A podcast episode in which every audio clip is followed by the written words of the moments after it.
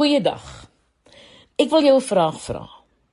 Het jy al die uitdrukking gehoor wat sê dink na oor wat jy dink? Hm? Nou die psalmskrywer Dawid praat dikwels oor hoe hy nadink oor al die wonderbaarlike werke van God. Kyk toe hy te neergedruk was, het hy in Psalm 143 vers 4 en 5 geskryf. Hy sê ek het alle moed verloor. Ek is verslae. Ek dink aan die verre verlede. Ek pyns oor alles wat u gedoen het en oor die werk van u hande dink ek na. Jong ons sien in hierdie twee verse dat Dawid se reaksie op sy gevoelens van depressie en teneergedruktheid glad nie was om oor sy probleme te top nie. Is dit nie wonderlik nie? Inteendeel, hy beveg die probleem deur 'n positiewe keuse en onthou dan liewer die goeie tye uit die verlede en bedink die groot dade van God en die werke van sy hande. Met ander woorde, hy dink aan iets goeds en dit help hom om sy teneergedruktheid te bowe te kom. Jong, jy moet nooit vergeet dat jou gedagtes 'n uiters belangrike rol in jou oorwinning speel nie. Nou kyk, ek weet dit is die krag van die Heilige Gees wat deur die woord van God werk wat dan oorwinning in ons lewens bring. Maar dit is ook so dat 'n groot deel van wat in ons lewens gedoen moet word is dat ons ons denke in lyn moet bring met wat God en sy woord sê.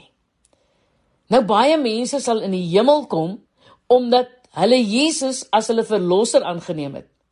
Jong maar baie van hierdie mense sal nooit hier op aarde 'n lewe van oorwinnings maak en vreugde vind in God se goeie plan vir hulle lewens nie. Juis omdat hulle gedagtes nie vernuwe is volgens die woord nie. Jy moet regtig goed nadink oor wat jy dink.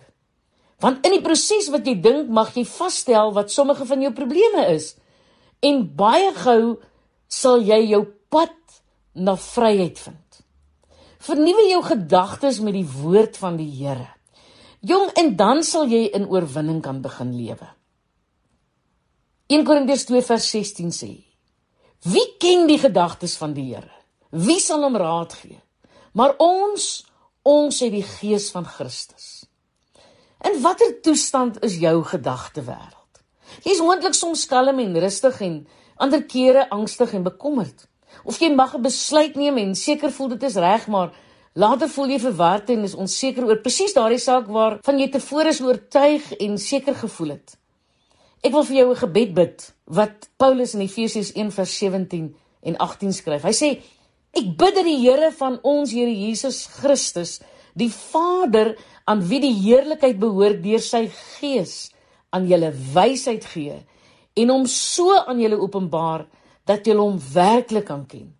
Ek bid dat hy julle geestesoë so verhelder dat jy kan weet watter hoop sy roeping inhou en watter rykdom daar is in die heerlike erfenis wat hy vir die gelowiges bestem het. Ek wil iemand oplet dat Paulus hier bid dat ek en jy wysheid sal bekom deurdat God ons geestesoë sal verhelder. En al heelwat studie voel ek oortuig dat hierdie geestesoë waarna Paulus verwys ons gedagte wêreld is.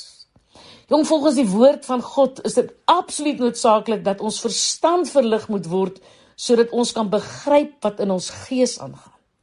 Die Heilige Gees wil vir ons hierdie lig gee. Die gedagte wêreld is normaal wanneer daar rus in ons gemoed is. Dan is dit nie leeg nie, maar dit is gevul met 'n amper 'n ewige hoop. Ons gedagtes moet nie gedurig gevul wees met redenasies, bekommernisse, angstigheid, vrese en sulke dinge nie, maar behoort kalm en rustig te wees in die wete dat God in beheer is en dat hy vir ons die beste vir ons lewe moet gee.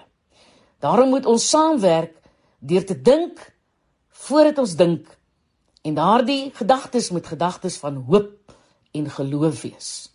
Ek is Lenet Beer vir Radio Kansel.